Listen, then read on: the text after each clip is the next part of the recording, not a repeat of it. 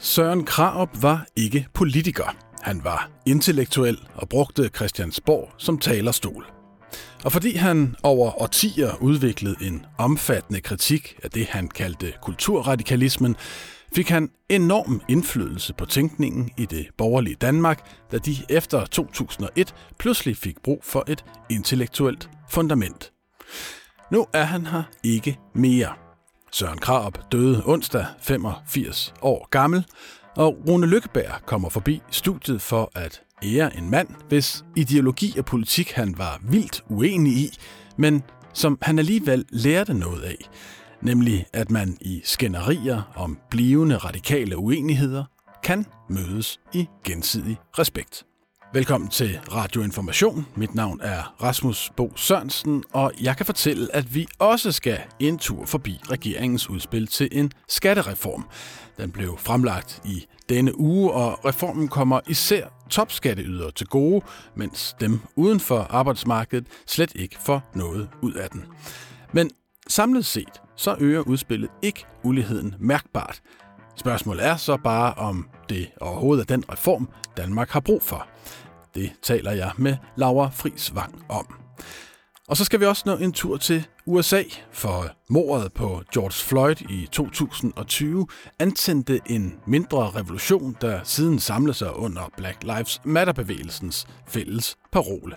Men i dag, tre år efter, ja, så viser meningsmålingerne, at amerikanernes opbakning til bevægelsen er faldet dramatisk, Organisationen har desuden været ramt af en række uheldige sager om korruption, og så er frontfiguren Ibram X. Kendi, ja, han er også øh, havnet midt i sin egen skandale.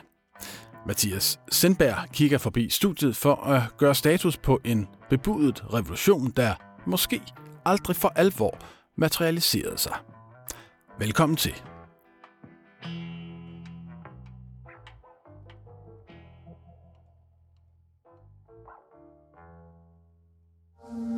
Det, der lægges op til med udlændingeloven, det er, at Danmark som nation bliver brudt i stykker.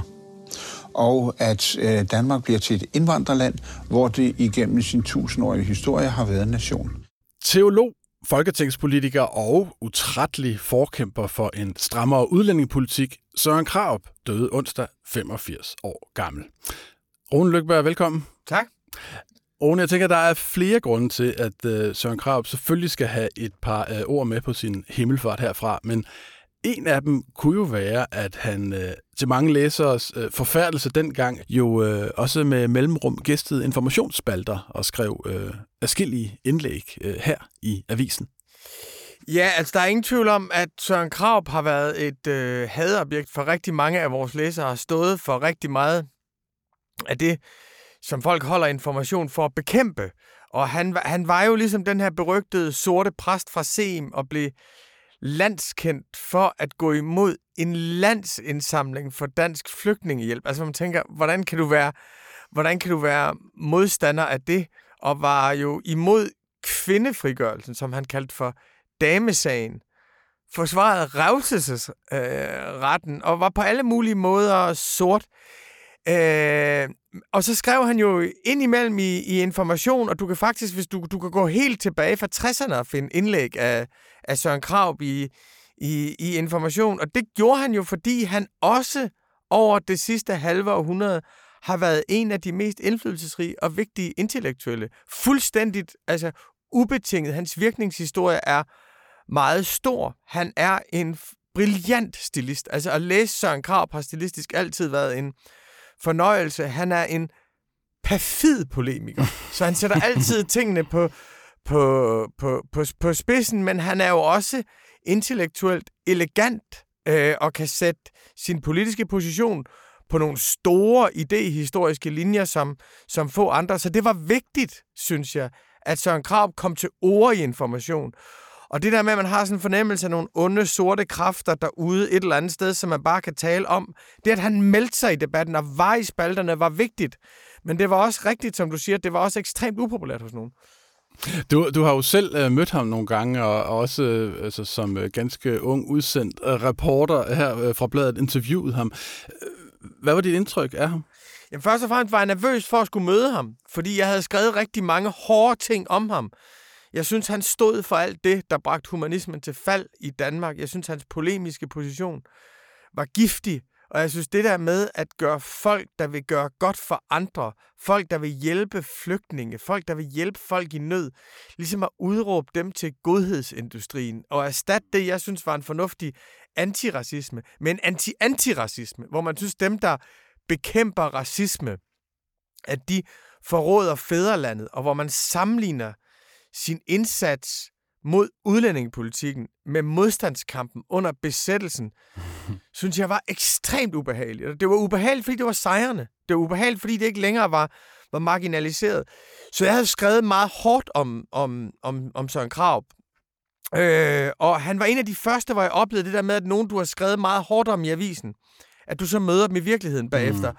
Og det er, jo, det er jo bare sådan, at det er utrolig nemt at skrive hårdt om nogen, du ikke møder.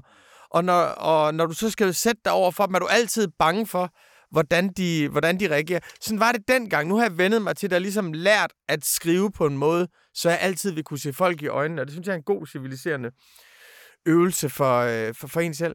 Men samtidig havde jeg også læst ham, så jeg synes, han var giftig politisk. Men jeg havde også læst hans bøger. Jeg havde læst Demokratismebogen fra 68, som er hans absolute hovedværk og hvor han skriver om demokrati som ideologi, og hvordan demokratiet breder sig overalt, og hvordan demokratiet, i stedet for at være afgrænset til en styreform, så bliver det en norm, der er over det hele. Det er en god bog, altså det er en god systemkritik, demokratisme-bogen fra, fra 1968, så jeg kan sige, at når han så holdt foredrag om den, så kaldte han dem, der gik meget op i demokrati, for demokratissemænd. uh, han var jo en fed polemiker, som sagde, jeg havde læst det moderne sammenbrud 1789-1984, som kom i 1984 og var en enormt vigtig kritik af kulturradikalismen og det moderne gennembruds effekter i Danmark. Så jeg synes, han var intellektuelt interessant. Han var en, han var en virkelig god kulturkritiker. Jeg brød mig virkelig ikke om det, han stod for, men hans kritik kunne man altid, kunne altid noget. Så jeg havde det her dobbelt billede af ham som en intellektuel, man måtte læse, som noget, hvor her var virkelig noget på spil, og som politiker, man måtte kritisere, nærmest bekæmpe. Og så beslutter vi så efter valget der i 2001, som jo var et totalt sammenbrud for det, vi tror på og står for, og ringe til Søren Krab og spørge, om vi ikke måtte interviewe ham. Og jeg var skide nervøs inden det der interview. Jeg var skide nervøs for at skulle over. Jeg var 28 på det tidspunkt.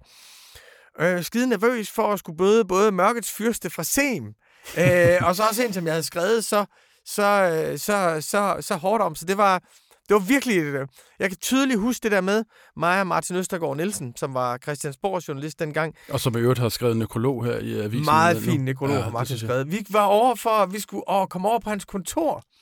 Og jeg kan huske, at han sådan tog imod, og han lignede en rigtig fransk intellektuel. Han havde sådan en øh, sort rullekravtrøje på, og så havde han det der meget, den, der meget, den der meget, meget karakteristiske, meget lange sideskilning, og så sådan en, og så sådan en rigtig, jeg læser mange bøger, brille, og så var han jo, han var, havde sådan en meget rank ryg. Så jeg havde ligesom fornemmelsen af, at jeg kom ind til mørkets fyrste, der lignede en fransk intellektuel, og var enormt nervøs. og så gjorde jeg det, som jeg altid gjorde i gamle dage, når jeg interviewede. Det var, at jeg lagde de, de spørgsmål frem, vi havde forberedt på skrift. Og så tog jeg en stak af bøger, som man kunne se, der var de der gule post mm, jeg lagde ved siden smart. af. Og, øh, og, øh, og det var egentlig mest for, at... Øh, det var egentlig mest for at kunne citere fra bøgerne og sådan noget under samtalen. Mm. Og så slår han sig ud med armene og siger, når du har læst mine bøger. øh, og det var som om, fra det øjeblik, han så, at jeg havde læst hans bøger, så var alting tilladt mellem, mellem mig og Søren Krav. Og det møde der i februar 2002 blev faktisk starten på en samtale, som vi havde kørende i 20 år. Hvad var han egentlig øh, rundet af? Altså, hvad, hvad var hans, øh, hans øh, opvækst? Søren Krab, det, det sjove er altså der er jo mange sjove ting ved Søren Krab. Der er mange modsætninger. Øh, modsætninger. Han er født i, øh, i Grenaa, men født og opvokset på Amager. Øh, og det betyder også, at en af Søren Krabs barndomsvenner er vores forhenværende chefredaktør og øh, store åndelige leder på avisen, Eivind Larsen. Aha. Så Eivind Larsen Nå. og Søren Krab er barndomsvenner og øh, slås mod hinanden i altså årtier. Søren Krabs far, Wilhelm Krab, var modstandsmand. Og det der er også Søren Krabs veneration for, for information. Han havde selvfølgelig et dobbelt forhold til information, som han synes kunne være noget Han var ikke abonnent. forbandet bagl. Nej, når Søren Krab, han skrev læserbrev information, og det har han gjort, altså som, som jeg sagde før, i meget lang tid, så er der altid sådan noget med, da jeg sidder på Grene Hundested færgen, er der nogen, der har henkastet dette smusmagasin, som jeg så tilfældigt samler op. Altså du ved, han har altid, det han indleder altid med... For, En undskyldning for at have med, læst med, med, avisen. med historie om, hvordan, hvordan det her som er helt afskyelige magasin, det er kommet i hænderne ja. på ham. Og så har han alligevel læst det, og det gjorde han også, når han ringede til mig. Han kunne godt ringe til mig, da han sad i Folketinget, ringede over.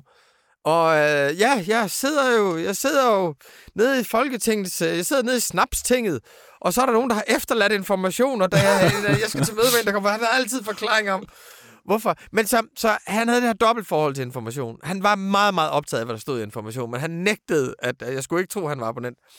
Øh, men det der med, at hans far var modstandsmand, han er virkelig rundet af imperativet, vi skal forsvare nationen, og sammenlignede jo selv sin indsats mod udlændingepolitikken og udlændingelov fra 1983 med sin fars indsats i modstandsbevægelsen. Og der var hans position bliver komisk, det er jo, at han siger, at han mener ikke, at han er gået ind i politik, for han var jo præst, han var ikke politiker. Han var gået ind i en modstandskamp. Øhm, så derfor var det en undtagelsestilstand, der gjorde, at han blev valgt ind i Folketinget.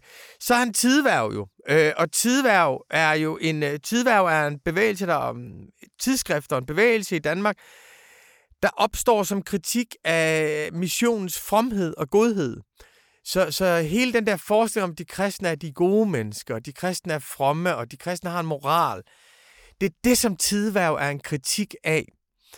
Øh, og det er, det, han, det, det den der med, at I tror, I er så gode, men I er i virkeligheden syndere.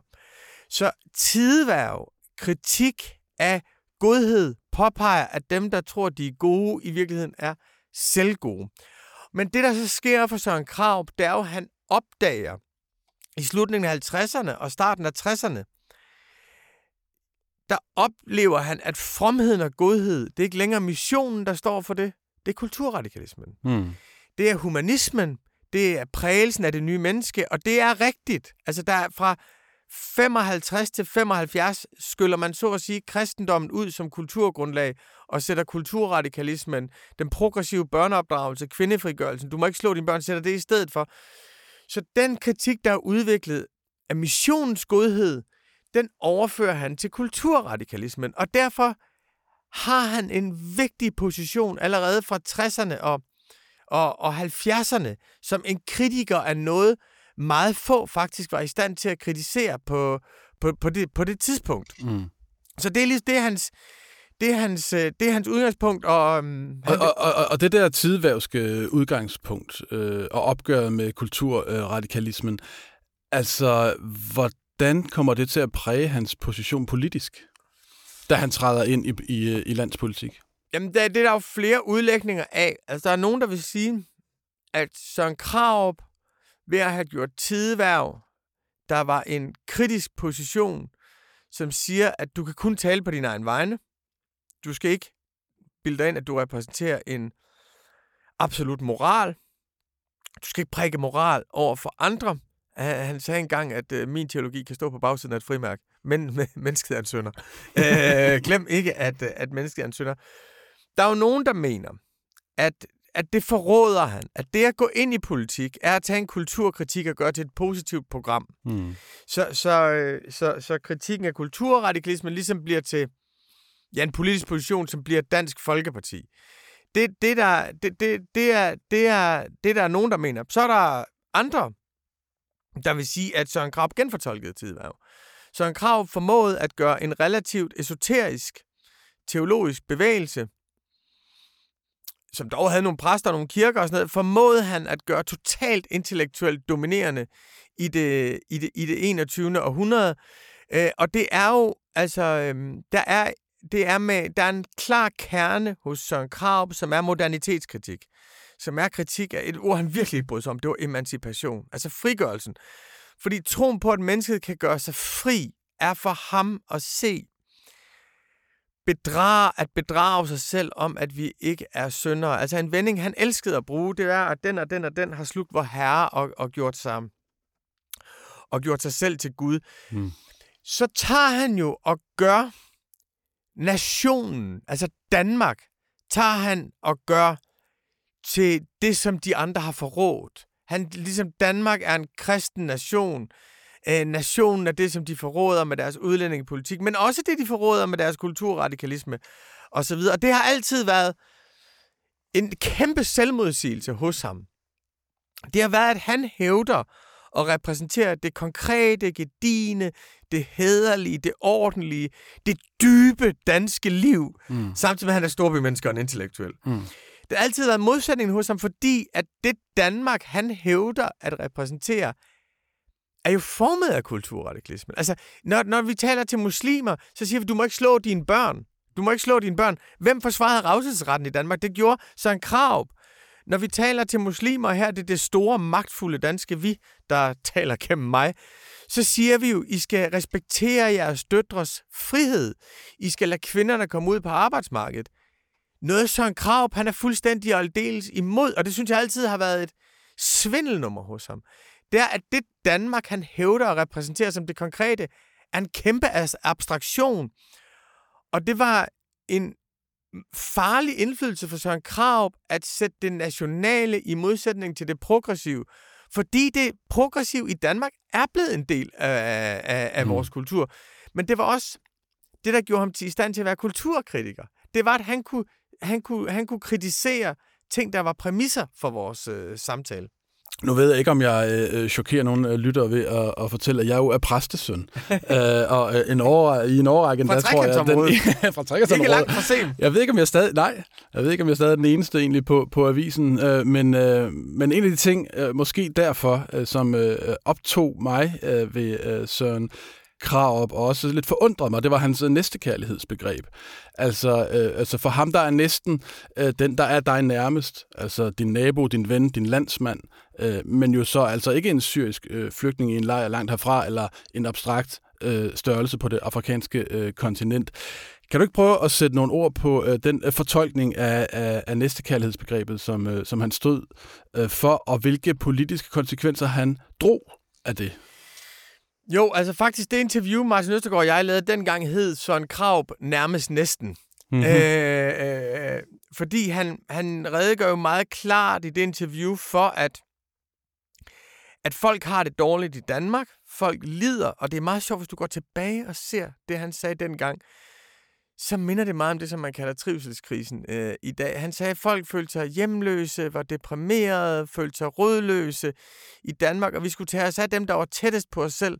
Vi skulle sørge for vores nærmeste, vi skulle hjælpe i vores lokale miljø. Hele tiden, at dit, dit ansvar er mm. over for det konkrete, det nærmeste og det givende, og og når vi så har, og her er vi jo så i 2000'erne, hvor man stadigvæk har den her menneskerettighedsoptimisme og demokrati og menneskerettigheder i, tror man så meget på, så man vil føre krig for det, og, og, og, og sådan noget. Øh, I parentes, derfor var det også fuldstændig nøjagtigt, at Søren Krab stemte for, for, for, for, for, for Irak-krigen. Mm. Men, men hans pointe bliver på det tidspunkt, og det er en af hans yndlingsformuleringer, den her, det er, at man bliver så optaget af at redde menneskeheden, at man offrer menneskene. Så hans pointe er ligesom, at hvis, alle men, hvis du har en forpligtelse over for alle mennesker i hele verden, så svigter du den nærmeste der, hvor du er. Og derfor presser, jeg kan ikke huske, hvornår det er, jeg har diskuteret det meget med ham, derfor siger jeg, at derfor handler det jo egentlig ikke om Danmark. Altså, en pakistaner skal jo have det på præcis samme måde. siger han fuldstændig rigtigt. Og, og der er hans, så hans næste kærlighed er, du er forpligtet over for det konkrete, det givende.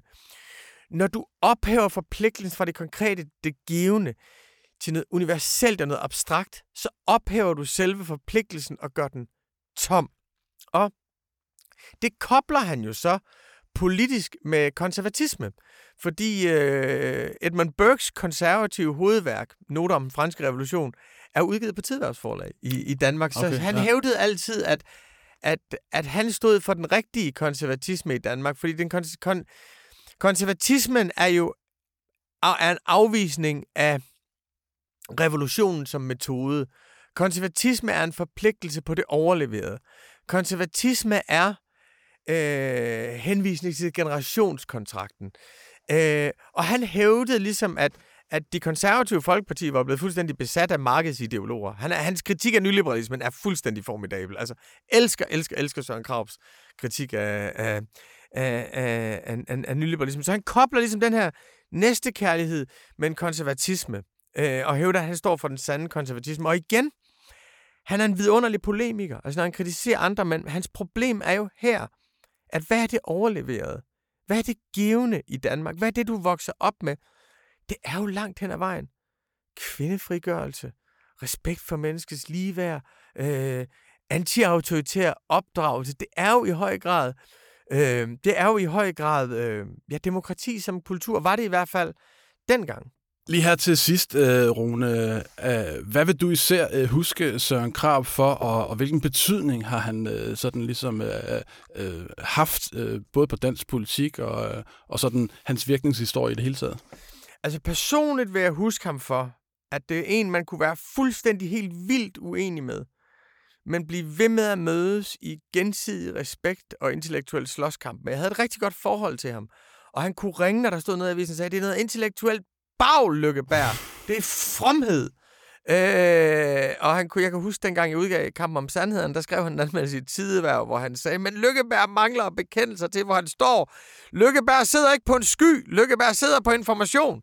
Men, men, ja. men det, at man faktisk kunne... Altså, det, var, det er for mig en livslektion. Altså, at folk, du er fuldstændig helt vildt uenige med, hvis du læser deres bøger øh, og, og går ind gennem deres egen hoveddør, så kan du have en fantastisk øh, samtale med dem, og et enormt øh, skænderi, som også Eivind Larsen jo havde i et halvt århundrede med, med Søren Krab. De turnerede med deres foredrag sammen, hvor de stod og svinede hinanden til, og folk på Aarhus Universitet til, gud, det var helt vanvittigt. Og så gik de ud og drak bajer sammen bagefter, men, men at man kan slå intellektuel bro gennem politiske stridigheder, der er så store, at de også er moralske øh, stridigheder, det har jeg ikke oplevet med andre end, end, end, end Søren Krab. Øh, det er den ene ting. Det andet, som jeg virkelig har tænkt meget over, det er, Søren Krab skrev jo i årtier bøger, som ikke fik særlig stor indflydelse. Bøger, som var systemkritik i en meget lille offentlighed. Og han var jo foragtet som en kæmpe, kæmpe, kæmpe idiot. Det skal også siges, at han blev så glad for, at jeg havde læst hans bøger. Så var det selvfølgelig også, fordi han havde mødt rigtig mange venstreorienterede, der aldrig gad at læse ham. Som mm. bare syntes, han var et sort svin.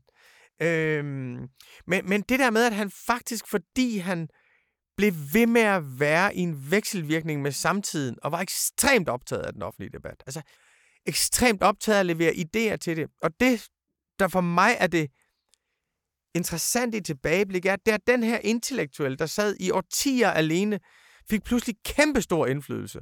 Han fik kæmpestor indflydelse efter 2001, fordi de andre havde ikke leveret en intellektuel analyse. De havde ikke leveret en systemkritik. De havde ikke idéer og begreber til deres kritik af kulturradikalismen. Og du kan jo godt grine af det der med nærmest næsten.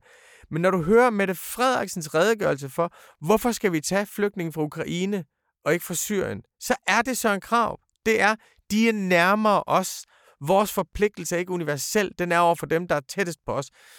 Når du hører den måde, man kan tale om folk, der fandme bare vil hjælpe folk ud i verden på som godhedsindustri og foragt for dem i dag, så er det også Søren krav. Politisk bryder jeg mig ikke om det, men intellektuelt, det der med, at hvis du virkelig, virkelig arbejder på din idé og sidder helt alene, blander dig i offentligheden, stiller dig til rødhed, så kan du få kæmpe stor indflydelse, før eller siden. Altså, vejen fra at være marginal intellektuel til at blive politisk indflydelsesrig, det er Søren Krab et godt bevis på, hvor kort den er, og hvor pludselig det kan komme. Og den lektie kan vi jo alle sammen tage med os. Tak fordi du uh, kiggede forbi. Selv tak.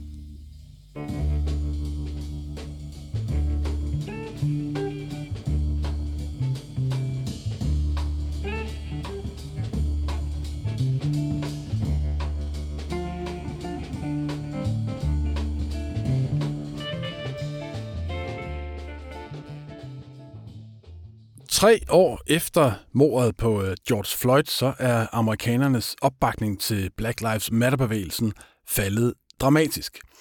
Organisationen har været ramt af en øh, række uheldige sager om korruption, og frontfiguren Ibram X. Kendi står også midt i sin egen skandal.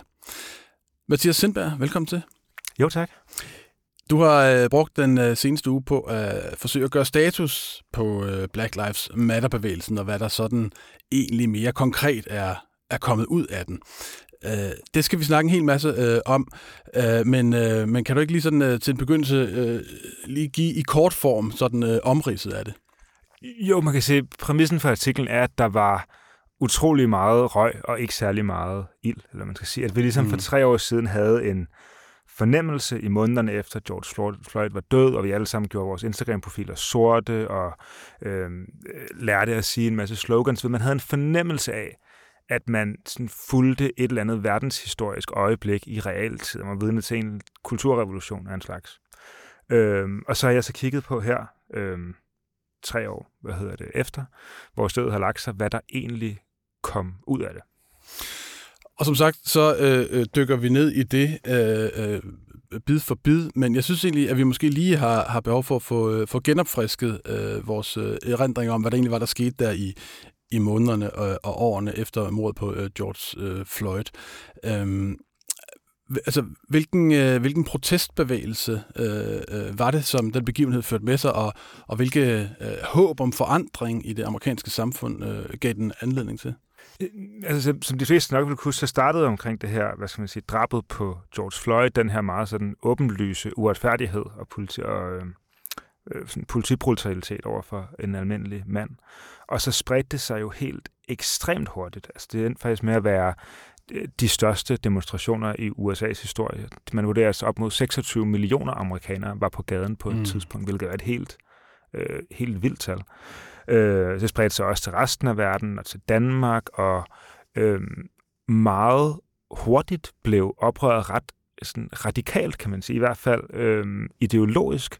Øh, der er en amerikansk-tysk politolog, der hedder Yasha Monk, der har kaldt det sådan den, den korte march gennem institutionerne. Altså det var et oprør, der meget hurtigt vandrede fra gaden og ind i institutionerne, både i øh, på universiteterne, i fonde, i NGO'er, i politik, og især måske i de store virksomheder, hvor at ansatte stillede krav til deres arbejdsgiver om, at øh, virksomhederne, institutionerne skulle øh, formulere øh, sådan, øh, solidaritetserklæringer med Black Lives Matter og øh, øh udvikle nye sådan, politikker for diversitet og repræsentation, og ansatte skulle sendes på kursus mod deres ubevidste racebias, eller øh, kurser for at begrænse deres kulturelle vidhed og alt muligt andet. Altså nogle relativt radikale øh, antiracistiske idéer, der hidtil havde levet et lidt stille liv på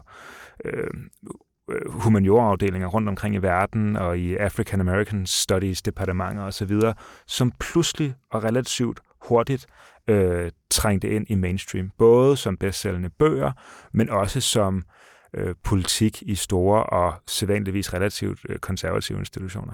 Ja, øh, Biden kaldte det jo et wake-up call dengang. Ja, han kaldte det et wake-up call og en kamp om Amerikas sjæl, og det hele virkede meget sådan... Øh, stort og massivt og øh, sådan, øh, verdensomvæltende i en eller anden forstand. Blev det så en øh, verdensomvæltende begivenhed, når man ser tilbage her øh, tre år efter? Øhm, det er jo altid sådan lidt svært at måle, men det, det korte svar er nej. Altså i hvert fald, hvis man kigger på, hvad kom der ud af det i form af, af ny politik, eller i konkrete fremskridt i forhold til sorte menneskers økonomiske position i Amerika, i forhold til deres rettigheder osv., så kan man sige, øh, mens det stod på i sommeren 2020, var der mange, og det lå også lige for, ligesom at det ligesom drejede en parallel til borgerrettighedsbevægelsen af Martin Luther King og 1960'erne osv., men det endte jo med, at man fik Voting Rights Act, at man fik Civil Rights Act, at man fik øh, en dom, der hedder Brown v. Board of Education. Altså man fik stoppet rasades, systematisk raceadskillelse, man fik øh, givet sorte mennesker stemmeret i praksis, man fik givet et helt sæt af nye rettigheder. Man fik simpelthen inkluderet en øh, undertrykt gruppe, formelt set i hvert fald i det store fællesskab. Der var nogle, sådan nogle meget konkrete sejre, man kunne pege på. Og det er, det er svært i den her sag. Øh, der var tilløb til, at man ville lave en stor sådan politireform, der hed The George Floyd Policing Act, eller noget af den stil, der skulle havde en masse ting, der skulle begrænse, hvad hedder det, øhm, politiets øh, beføjelse til at hvad hedder det, øhm, udøve magt og gøre det nemmere at stille dem til ansvar, hvis de, øh, til, hvis de misbrugte øh, deres magt. Men den endte med at, sådan, at fortabe sig i kongressen.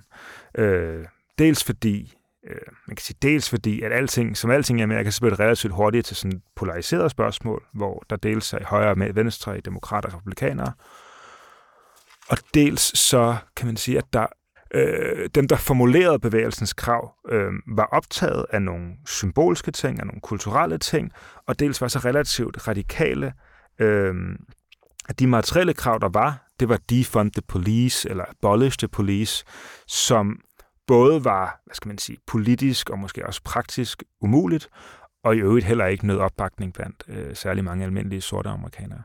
Okay, så, så altså en af, af forklaringerne til, at det måske øh, er øh, sådan øh, så som så, øh, eller i hvert fald svært at kunne udpege sådan de reelle resultater, øh, det skyldes, at, øh, at de krav, som blev formuleret, var mere symbolske. Ja, altså for, på en gang, så var det en stor omvæltning. Altså vi lærte alle sammen at sige, at racismen var strukturel mm. eller institutionel. Øhm, der var nogle sproglige forandringer, altså ord, man ikke længere skulle sige. Der var nogle idéer om repræsentation især, som meget hurtigt øh, bredte sig. Og der var også nogle sådan øh, ideologiske eller historiske sådan, præmisser for den måde, vi taler om racisme på, som gik fra et meget radikalt sted øh, til et mainstream. Altså sådan, du ved, øh, altså, det, det her med ideen om, at, sådan, at racismen også var noget diffust noget. Altså det var ikke bare had til sorte mennesker eller forskelsbehandling. Det var ligesom også noget sådan diffus, der boede i vores allesammens underbevidsthed, eller sådan stadig sad i institutionerne. Det er ligesom det ene, og det andet var den her forestilling om, at øh, skal man sige, racismen, fortidens racisme, stadig hang omkring os i institutionerne og inde i os selv, at, hvad skal man sige, fortidens uretfærdigheder manifesterede sig som uligheder i nutiden. Altså, der var ligesom en masse ideologiske og historiske ting, der øh, bredte sig, øh, og på den måde jo også, man sagtens kan for, at det manifesterede en eller anden form for kulturel tideværv. Mm. Det var bare øh, kun i meget begrænset omfang, at man samlede sig om materielle eller politiske krav. E, en af, af, af frontfigurerne i, øh, i den bevægelse, som øh, demonstrationerne så øh, udviklede sig til, øh, var øh, og er Ibram X. Kendi, en øh, sort amerikansk øh, intellektuel superstjerne med nogle øh, relativt øh, vidtgående antiracistiske øh, idéer, som du var også lige inde på det nu, vel i et eller andet omfang er blevet så den nærmeste allemands øh, eje. Ikke? Øh, hvem, hvem er øh, Ibrahim øh, X. Øh, Kendi, og, og hvilken betydning har han ligesom øh, fået for bevægelsen efter, øh, efter George Floyd? Øh, I den artikel, jeg har skrevet, der tager jeg i meget høj grad øh, udgangspunkt i hans historie. Det gør jeg også, fordi jeg synes, den er meget illustrativ for bevægelsens, altså hans storheds og fald spejler i vid udstrækning, synes jeg, så den bevægelsens storhed øh, og fald. Øh, den konkrete anledning til, at jeg skriver nu, det er, at han, øh, han, har et, øh, han fik i august 2020, altså i efterspillet af alt det her, sit eget institut for antiracistisk forskning på et stort amerikansk universitet, som nu er ramt af en række øh, skandaler. Han er anklaget for at have været en dårlig leder og have misforvaltet øh, en masse af de penge, de fik i donationer dengang. Øh, men når jeg mener, at han er sådan illustrativ for den bevægelse, der var i 2020, så er det, at han, du ved, han var ligesom også en eller anden sådan lidt obskur, øh, venstreorienteret, meget sådan identitetsfokuseret antiracistisk forsker, også inden 2020, som var professor og skrev bøger, der blev rost i New York Times osv., men ellers levede en relativt stille, venstre, øh, stille tilværelse i sådan lidt obskur øh, akademiske kredse. Og så lige hurtigt, altså, altså umiddelbart efter George Floyd, så han går sådan ligesom på den her den korte march gennem institutionen, at han meget, meget hurtigt blev ikke bare en bestsellende forfatter, der sad i talkshows og snakkede med Oprah Winfrey og alt sådan noget, og blev kåret til en af de 100 mest indflydelsesrige mennesker i verden af Time Magazine.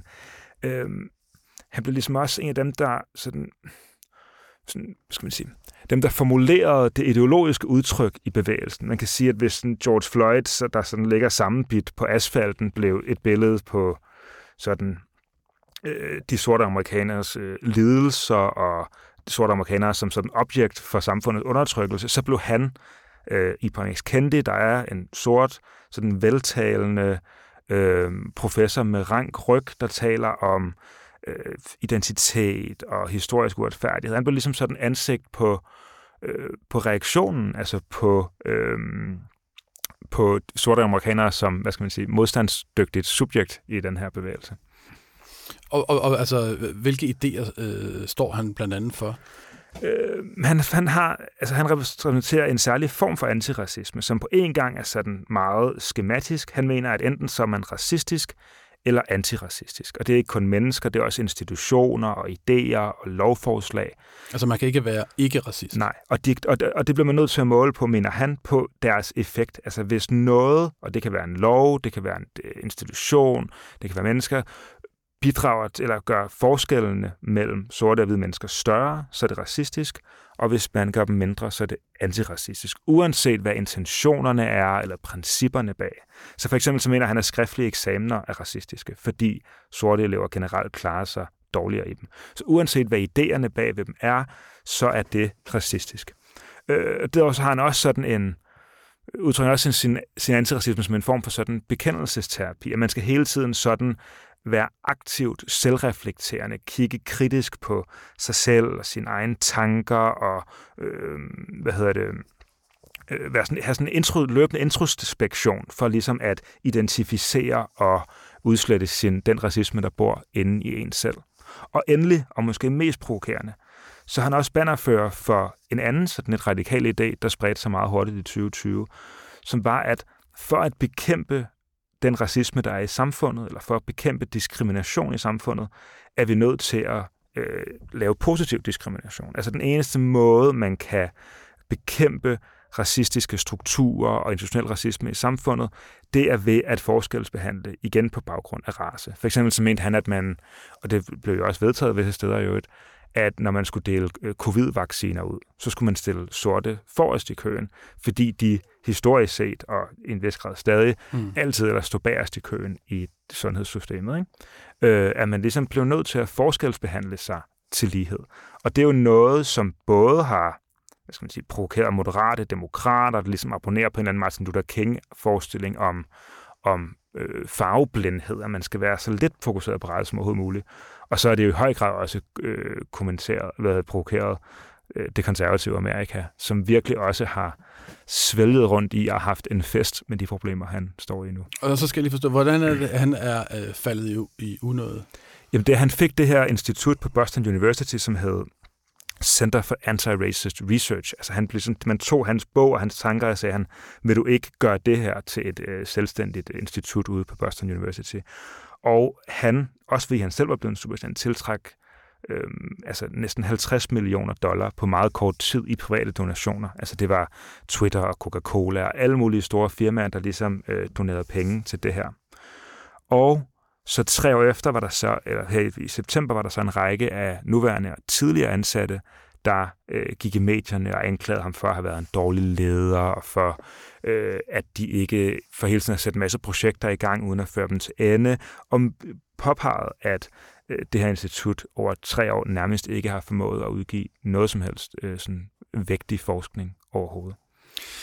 Og, og hvad med, øh, øh sådan, øh, hvis man ser på den generelle opbakning til øh, Black Lives Matter-bevægelsen øh, blandt øh, sådan den amerikanske befolkning? Der er jo lavet noget øh, research, øh, nogle øh, meningsmålinger og sådan noget. Hvad, hvad viser de egentlig? Øh, det viser, at opbakningen er faldet markant. Altså det var i sommeren øh, 2020, der var opbakningen op, og næsten, for næsten at være 80% af amerikanerne, der havde et positivt indtryk af Black Lives Matter. Det er nu nede på at være omkring øh, 50 procent. Endelig er der også en stor undersøgelse af, hvor man spørger folk, om man mener, at det har været en effektiv bevægelse. Altså om Black Lives Matter effektivt har øh, forbedret øh, vilkårene for sorte, har øh, skal man sige, øh, hjulpet forholdet mellem racegrupper i Amerika, eller været øh, god til at øh, ændre den måde, hvad hedder det, øh, politiforretninger bliver øh, lavet på i, i Amerika. Øh, og der svarer meget, meget, meget få, øh, altså helt med sådan noget 7-8 procent, at det mener, at de, at det i høj grad har været en effektiv øh, organisation. Så der er meget, der tyder på, at det her store antiracistiske momentum, det her tilsyneladende verdenshistoriske øjeblik, at det i hvert fald er forbi. Men kan man ikke øh, omvendt argumentere for, at det er lidt for tidligt at fælde dom over øh, Black Lives øh, Matter-bevægelsen og, og dens betydning? Altså, at det ikke er en, øh, en sprint, men, øh, men et maraton at ændre på, øh, på strukturer nedgravet øh, gennem generationer i en nation gennemsyret af racisme? Helt klart. Og igen så vil jeg også sige, hvad det kulturelle skred var, og hvad det har betydet, og hvad det vil få af effekter øh, fremover.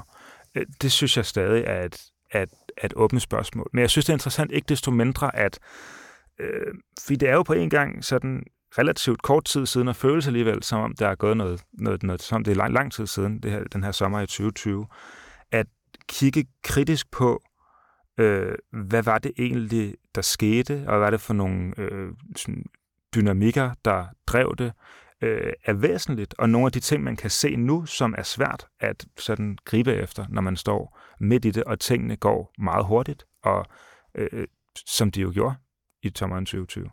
Og så lige til, til allersidst, øh, Mathias, altså nu, øh, nu sidder vi her to øh, hvide midalderne fyre og, og fælder dom over en bevægelse, som vi på den måde ikke rigtig har, har lod del i, øh, bestemmer, hvad der er vigtige og ikke vigtige kampe, og alle de her øh, 100.000 vis af mennesker, som gik på gaden, de skulle måske have gjort noget andet i stedet for. Det var ikke øh, den rigtige kamp, de kæmpede.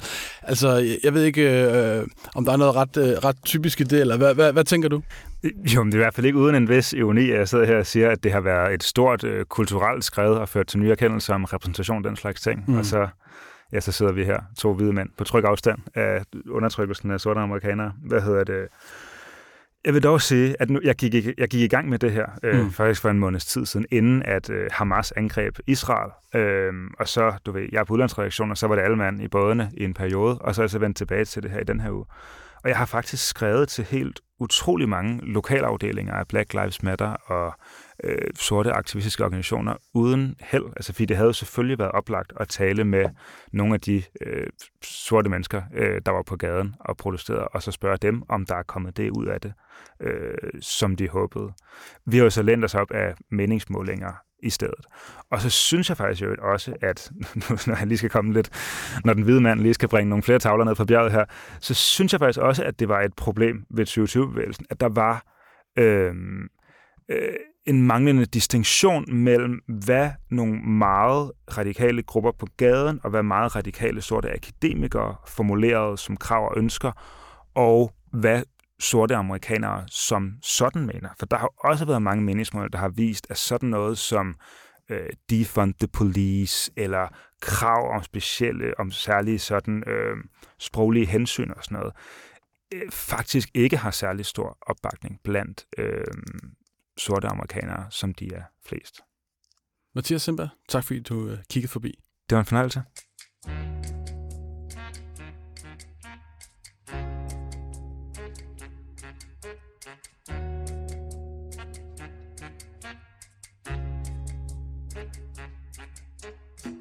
Da regeringen mandag fremlagde sit udspil til den længe ventede skattereform, slog økonomiminister Troels Lund Poulsen fast, at regeringen vil give de hårdt arbejdende danskere flere penge mellem hænderne. Men hvad vil det egentlig sige? Hvem er det, der får noget ud af skattereformen? Hvem går den ud over? Hvad betyder den for uligheden? Og er det overhovedet den reform, Danmark har brug for? Laura Friisvang, velkommen til. Tak for det. Rasmus. Hvad, uh, Laura, nu så jeg lige, at uh, Lars Løkke Rasmussen, han, uh, han sagde, at han hverken synes, at regeringens udspil er rødt eller blåt. Så kan man så tænke over, hvilken farve det er, sagde han til en, uh, til en journalist. Hvis jeg nu uh, beder dig om at finde uh, Dyrops store farvekort frem, hvad, hvilken nuance er vi så over i, synes du? Ja, men du bad mig jo godt om øh, at, at, at kigge på, ja, på det her dig lidt, ikke? Ja. Jo, det ja. er det. Og, men faktisk, Rasmus, så, så ved jeg jo godt, hvad der sker, når man, øh, når man blander øh, rød og blå. Det, er sådan, det husker jeg helt tilbage fra folkeskolen, og det er jo, så bliver det lilla. det er det, det gør. Øhm, og, og det er jo også helt oplagt, at det er det, Lars Løkke Rasmussen henviser til. Øh, han mener, at det er klassisk moderat, hvad siger man, moderat politik, øh, øh, som den her skattereform øh, udtrykker. Øh. Ja, så, og så som også er, er partiets øh, officielle farve. Men lad, skal vi lige løbe altså sådan, at det, det faktuelle i, øh, i udspillet igennem? Altså, hvad, hvad er det egentlig, at regeringen konkret øh, foreslår i det her øh, udspil? Regeringen vil gerne lempe skatten for de 3,3 millioner danskere, som er i arbejde. Øhm, og det vil de gøre på forskellige måder. Det vil, de vil blandt andet øh, forhøje det såkaldte beskæftigelsesfradrag, som alle øh, danskere, der arbejder, får. og så vil de øh, sænke topskatten øhm, og indføre det, de så kalder en, øh, en mellemskat for de øh, personer, som tjener øh, over eller op til syv, over 750.000 kroner om året. De, de får ikke længere, mm øh, de skal ikke længere betale den øh, topskattesats, der er i dag. Øhm, og så vil de hæve, øh, særligt hæve øh, beskæftigelsesfradraget for de, øh, de enlige forsørgere, så de får en ekstra høj øh, skattelettelse. Og endelig vil de jo så indføre en, øh, en ny top-top-skat, som de kalder det, som er øh, de danskere, øh, i, i der tjener over 2,5 millioner kroner om året, de skal, de skal betale ekstra meget, øh, 5 procent en mere i, i skat. Så hvis man sådan skal skære det øh, øh, helt ned til, til benet, altså hvem får så især noget ud af regeringens udspil, og hvem går det ud over, hvis man kan formulere det på den måde? Det er jo svært at sige, hvem det går ud over. Man kan sige, at de penge, som bliver brugt til, til skattelettelser, de, øh, de, de, de, de kan så ikke bruges til andet, som for eksempel øh, velfærd, der jo har været en stor debat om. Men dem, der får mest ud af det, det er, det er først og fremmest øh, de øh, borgere i Danmark, som, øh, som i dag øh, betaler topskat og tjener under 2,5 millioner kroner om året, som, som er øh, trods alt øh, de fleste topskattebetalere. Jeg tror kun, det er 8.000 personer i Danmark, der har en indkomst over 2,5 millioner kroner. Øh, Øh, det er dem, der vil få den, øh, den relativt største skattelettelse. Og så er det de enlige forsørgere, og især de enlige forsørgere, som også betaler topskat. De får jo både glæde af beskæftigelsesfradraget, det ekstra forhøjet beskæftigelsesfradrag for enlige forsørgere og øh, øh, den nye øh, mellemskat. Mm. Hvad, hvad får man for eksempel ud af udspillet, hvis man er på overførsel? Øh, hvis man øh, ikke er i arbejde, så får man øh, nul og niks ud af det, fordi det her det, øh, det er tiltag, som retter sig øh, mod de borgere, som, som er i arbejde. Altså, de har ikke, øh, regeringen ligger ikke op til at sænke bundskatten, som, som alle også dem uden for arbejdsmarkedet betaler, men, men de, de, de har taget fat i de værk, i de skatter, som, som, som dem, der er i arbejde, betaler i dag. Øhm, og det de, ligger de også meget åbent frem, at det her det handler, det handler om, at det skal være mere attraktivt at arbejde, og det er en skattereform, som først og fremmest honorerer de arbejdende danskere. Så det er en reform, der vil betyde et, et større skæld mellem dem, der er i arbejde, og dem, der står uden for arbejdsmarkedet? Ja, det er klart. Det vil være en, øh, en konsekvens af, af denne her reform. Og, og hvad så altså med uligheden? Det er også noget, vi har, vi har øh, sådan har fokus på igennem de, de seneste årtier i virkeligheden. Ikke? Altså vil den, vil den mindskes eller øges af regeringens øh, udspil? Hvad siger, hvad siger eksperterne til det? Jamen, som det er med skattereformer, så, så vil de typisk, øh, øh, når det handler i hvert fald om at lempe skatterne, så vil det typisk betyde et, øh, en stigende øh, indkomstulighed i samfundet, altså når man måler med den, på den her såkaldte Gini-koefficient. Og det gør den her reform også. Altså den øger også indkomstuligheden i samfundet. Men når man sammenligner med, med de øh, fem foregående reformer, der har været øh, lavet de seneste øh, 20 år, så er det her, øh, denne her reform altså, ser ud til at være den, der er den mindst ulighedsskabende. Altså, øh, men, men en forudsætning for, at, at reformen øh, så ikke bliver sådan mærkbart ulighedsskabende, er jo så netop også, at top-top-skatten øh, får øh, den øh, forventede øh, effekt. Øh, det har der så været noget, noget diskussion om, hvorvidt det så også vil være tilfældet. Da jeg læste øh, din artikel her i, i ugens løb, så var jeg ret vild med den der formulering, som øh, professor Michael Svare han kommer med, hvor han, hvor han siger, at top-top-skatten ikke bare er usikker, den er meget, meget usikker. Hvor, hvorfor, hvorfor er den det?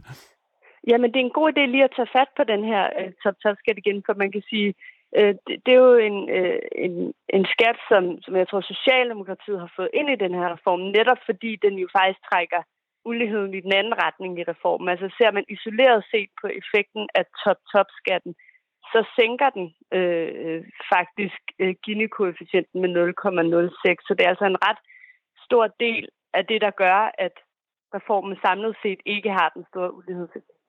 Men, men det, der så gør, at mange økonomer så tvivl om, om den så faktisk har den her effekt, er, at det er ret nemt at omgå den. Altså, dem, der er i målgruppen for at skulle betale den, er jo borgere, som tjener over 2,5 millioner kroner om året.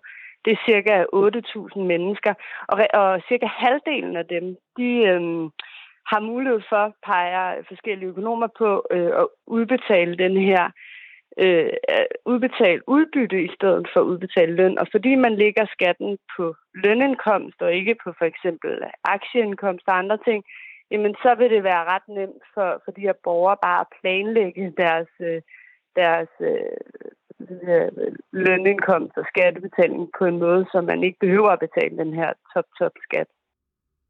Altså, øh, endelig er der jo den øh, mulighed, som, som vi slet ikke har, har talt om her, øh, men altså, at man helt undlod at give skattelettelser, og i stedet brugt pengene på øh, for eksempel på, på offentlig velfærd, som jo har været øh, underprioriteret og, og som øh, sådan hænger i, i hængslerne mange steder.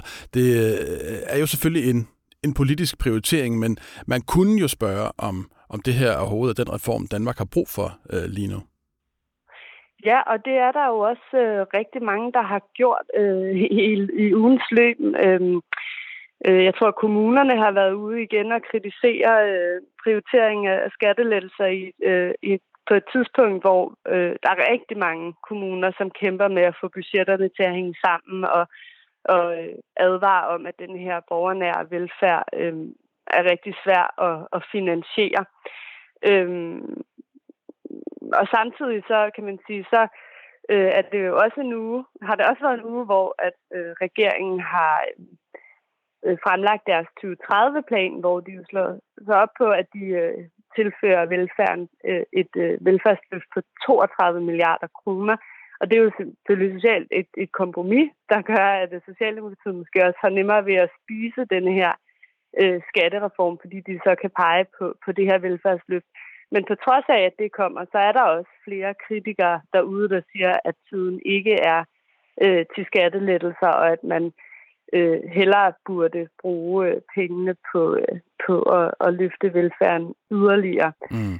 Øhm, man kan sige, at Michael Svare siger sådan jo meget nøgternt, vurderer han, at den her skattereform, det er nok i hvert fald ikke en, som man som almindelig lønmodtager og dansker vil kunne mærke i særlig høj grad, og samtidig er den også så forholdsvis lille, at han heller ikke ser, at, øh, at det vil få de de store konsekvenser på, på dansk økonomi, altså når man ser på, på arbejdsudbud og, og mm. andre udfordringer, der er. Så, øh, så det er jo selvfølgelig også værd at, at have med. Lige, lige her til allersidst, Laura, øh, altså regeringen øh, kalder jo reformen her for et, øh, et udspil, øh, men omvendt så har regeringen jo sit eget flertal. Altså hvad, øh, skal vi regne med, at, at det, det her udspil bliver til virkelighed, eller hvad er processen ligesom nu?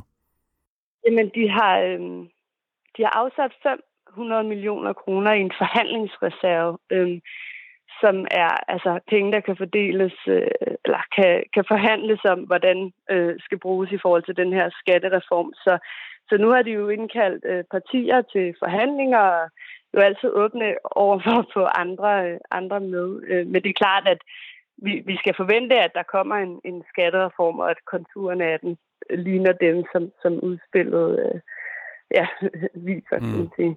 Vi må mm. se, om der bliver dyppet øh, andre farver ned i, øh, i den samlede mixtur der. Men i hvert fald, ja. øh, Laura Friisvang, øh, tak skal du have, fordi du var øh, igennem her på en telefonforbindelse.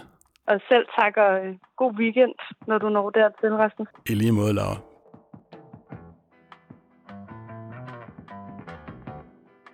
Og det var alt, hvad vi havde valgt at bringe i dagens program. Det var som sædvanligt klippet og sat sammen af Rune Gertsen.